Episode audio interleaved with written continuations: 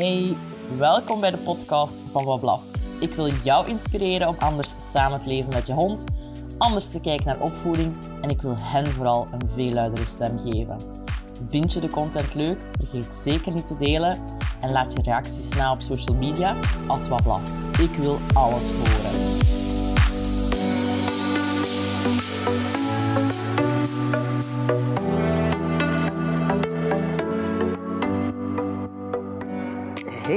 Ik zit hier in het bos met Lies van Akker.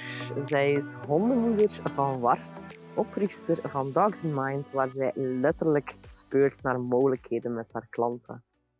We gaan het vandaag samen hebben over loslaten van wat jouw waarheid was over samenleven met honden Mhm.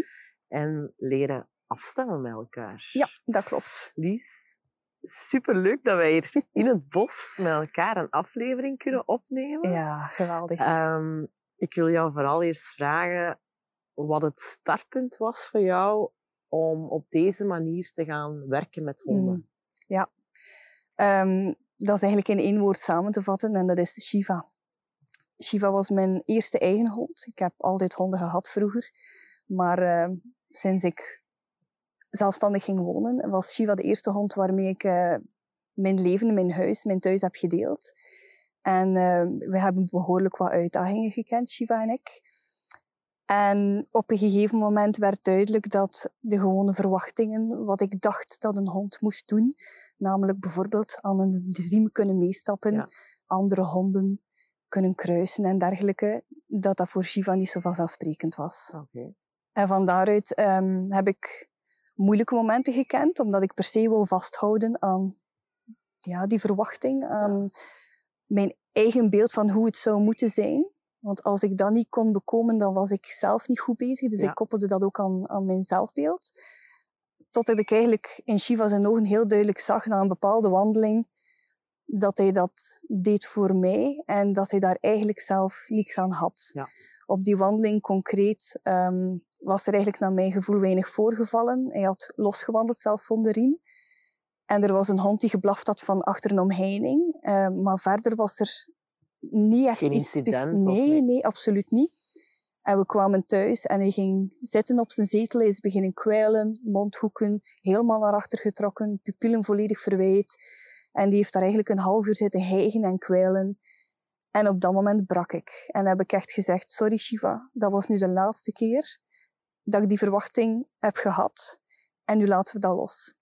Dat was dan het feit dat hij zoveel nood had aan recupereren, dat dat jou zo diep geraakt heeft van wat, wat, wat ben ik hier aan het doen met hem? Of? Ja, en vooral het feit, ik had het niet gezien tijdens de wandeling zelf. Shiva was een meester in zich ja, zijn beste beentje voorzetten. Hij Ja. deed zo keihard zijn best voor mij.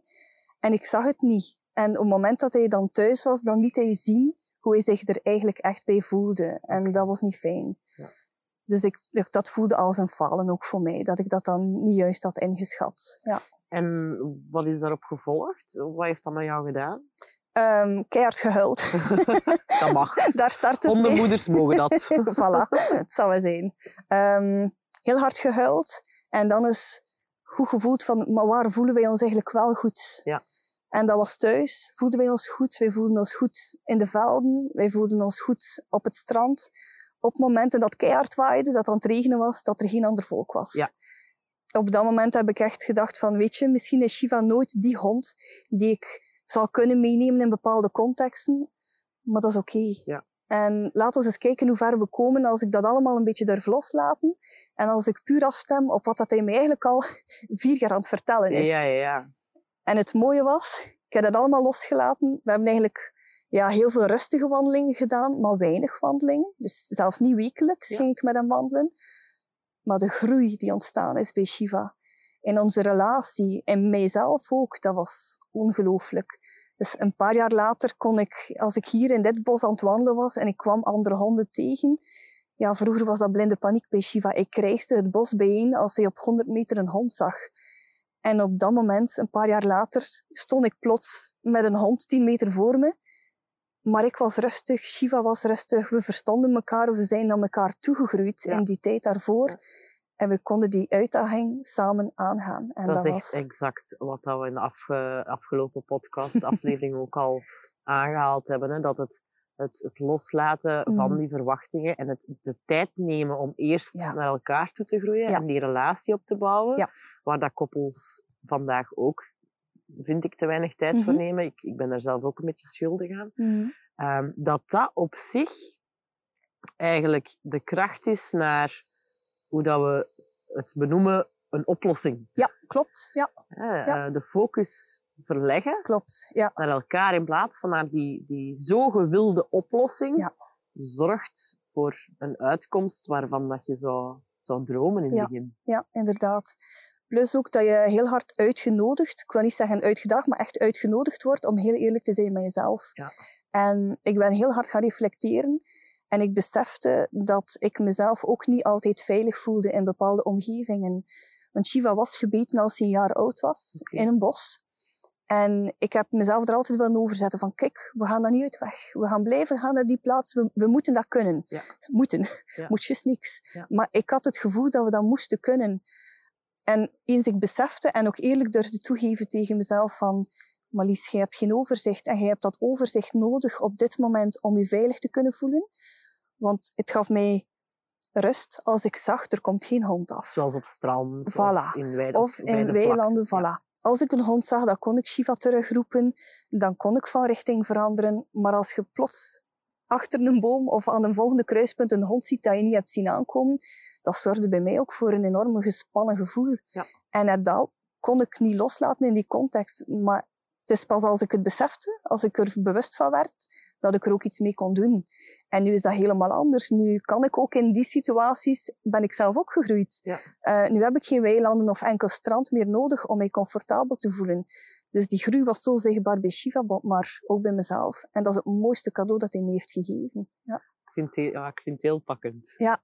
Het is, ehm, ik vertelde het gisteravond nog tegen iemand, hoe gek het is wat de honden in ons leven ons, ons te leren hebben, wat dat ze ons brengen, ook de, de honden van klanten die op ons Mm. pad komen.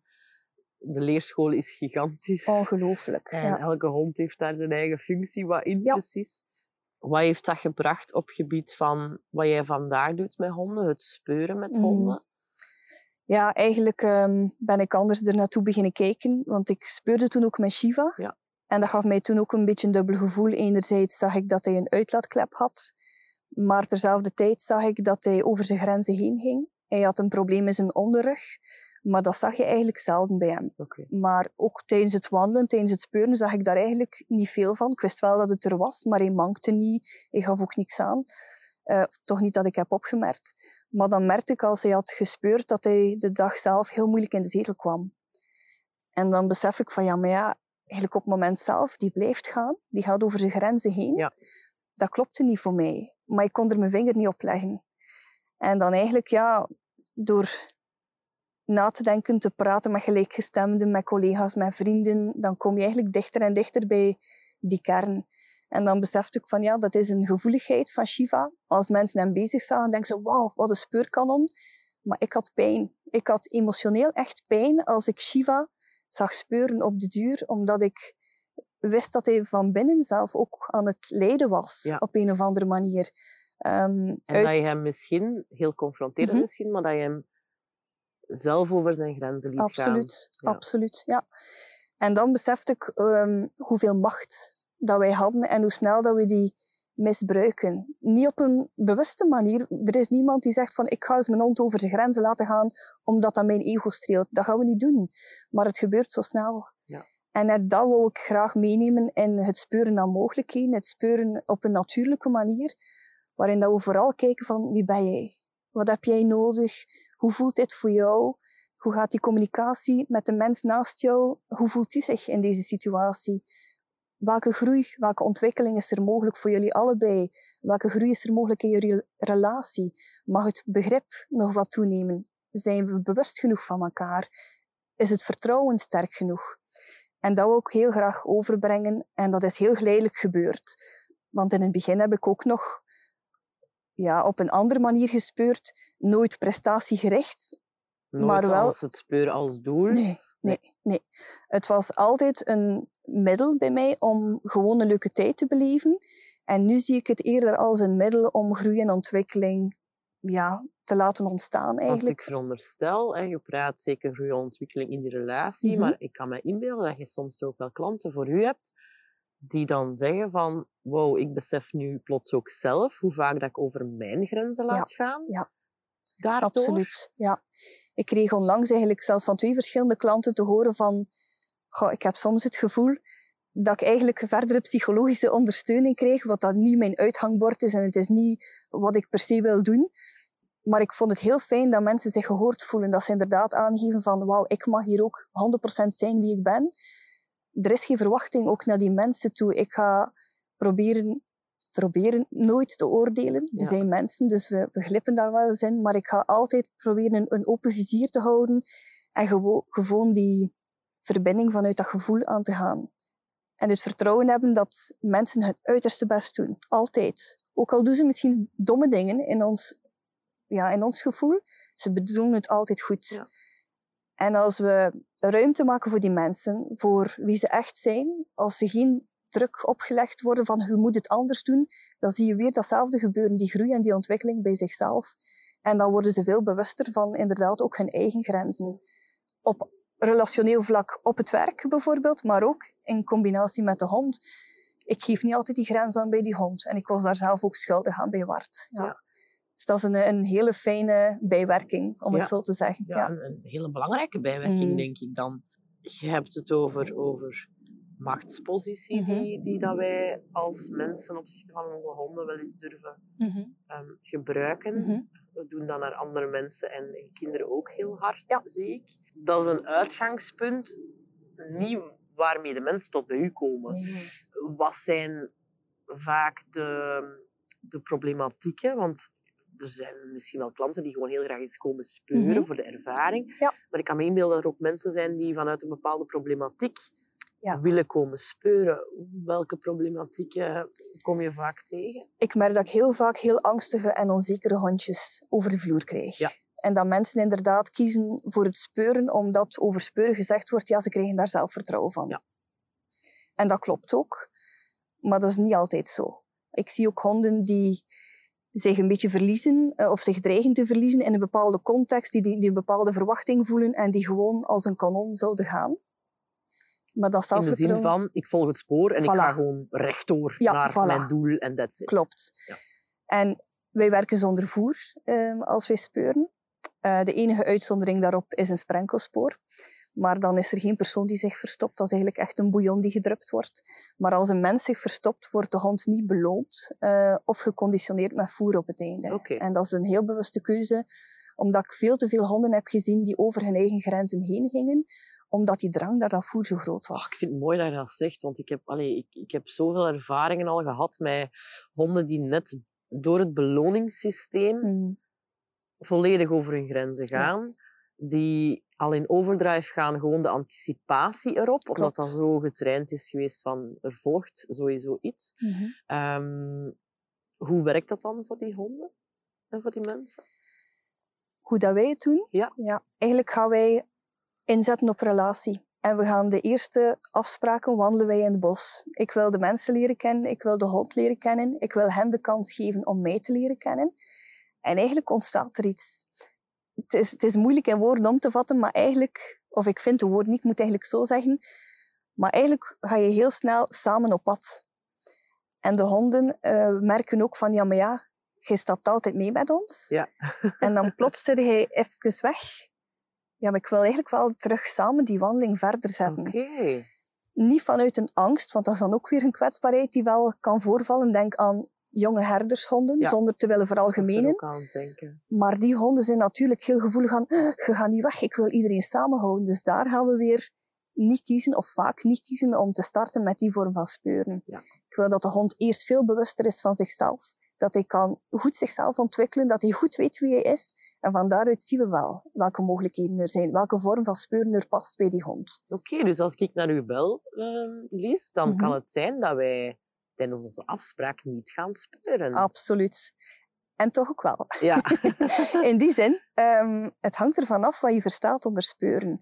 Als je verstaat onder speuren van we lopen een spoor dat voordien is uitgezet of dat wordt uitgezet door een mens, dan kan het inderdaad zijn dat we niet gaan speuren. Als je denkt aan we gaan exploreren, we gaan ontdekken, we gaan uitzoeken wat de mogelijkheden zijn, dan speuren we constant. Er zijn bijvoorbeeld situaties waarin dat we een picknick doen.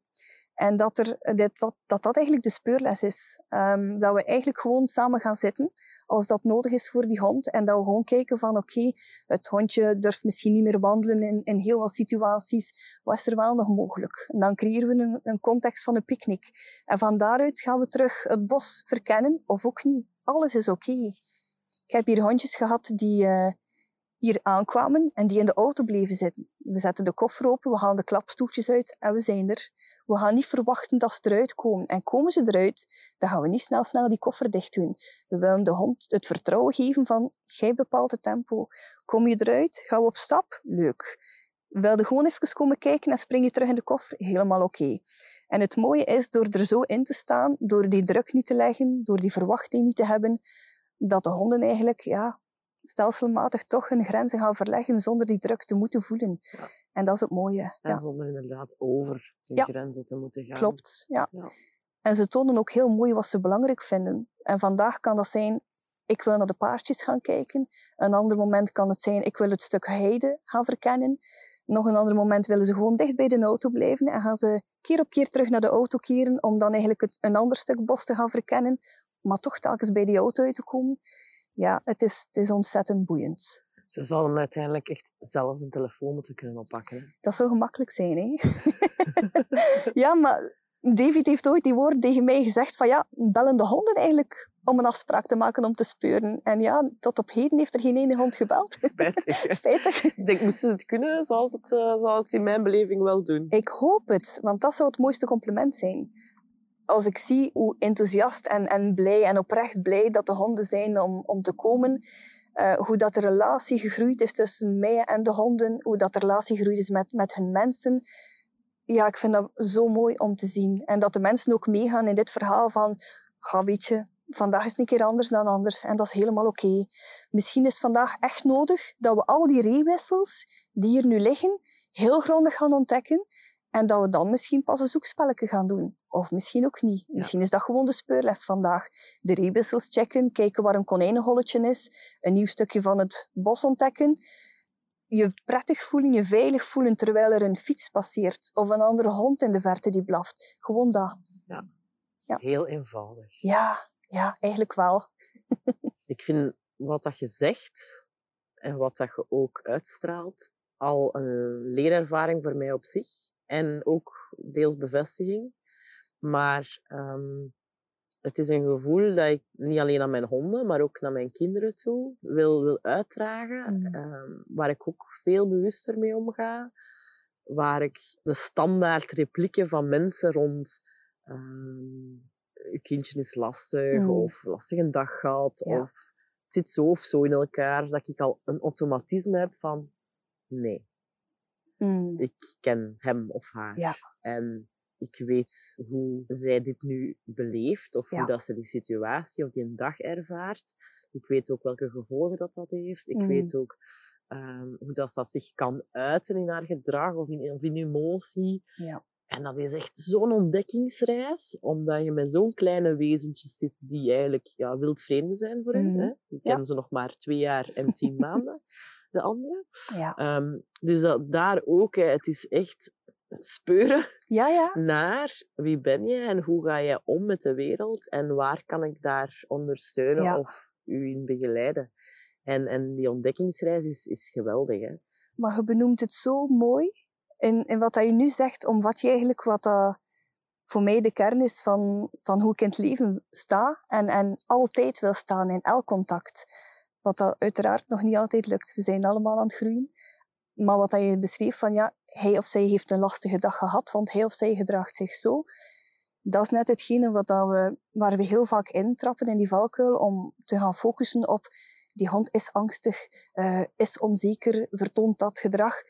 De groei zit in die relatie. Wie ben jij? Oprechte, liefdevolle aandacht voor het andere wezen, oprechte bewustwording van wie hij of zij is, wat hij of zij nodig heeft en hoe kan ik jou daarin helpen, hoe kan ik daarop afstemmen.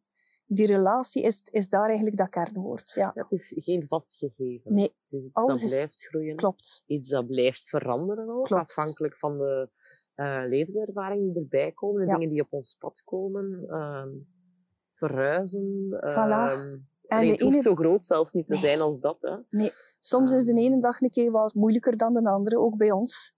En dat zien we bij onze hondjes ook. Die temperaturen die we nu gehad hebben de laatste dagen, die grote hitte. Ja.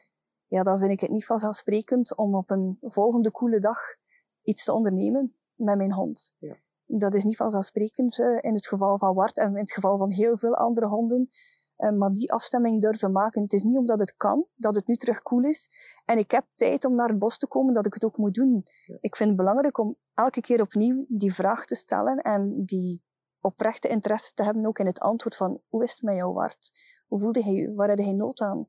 En in Wart zijn geval is dat heel vaak kom ik eens samen bij mij in het gras zitten. Of op de dorpel eh, van het Kom een keukenraam. keer chillen, jongen. Ja, laat mij tussen uw benen plaatsnemen. Dat is heel bewust dat hij daarvoor kiest. Ik moet mijn handen op zijn schouders leggen en we kijken samen naar de bomen en naar de vogels. En wij kunnen daar zo soms vijf minuten, soms een kwartier zitten. Maar dat is een heel bewust contactmoment, dat wij enkel met elkaar en onze omgeving bezig zijn. Dat is de kern. Dat is exact ook wat dat kinderen van ons vragen. hè. Voilà. Er gewoon oprecht zijn. Ja. In plaats van terwijl op de gsm, of Ja, terwijl die tv aan, echt, of hè. terwijl... Absoluut. Vlucht tussen de soep en de patatten. Ja, Allee, letterlijk. ja, hè? letterlijk. Ja. En dat is nu eenmaal hoe dat heel veel mensen hun leven vandaag georganiseerd is. Hè. Klopt. Klopt, Dat is zeker. het spijtige en het, het, ehm, het conflicterende, ook continu, denk ik, met de klanten die ik al gehad heb, of de Mm. klanten die nog gaan komen, is dat conflict. Ja. Exact dat conflict. Ja. Ja, Annelies, ik voel wat dat je zegt, Mhm. maar Ja, die maar. Ja. het Herkenbaar, lukt me niet. Ja. Want tuurlijk. Ehm, wat zie jij gebeuren bij de mensen die bij u in begeleiding komen?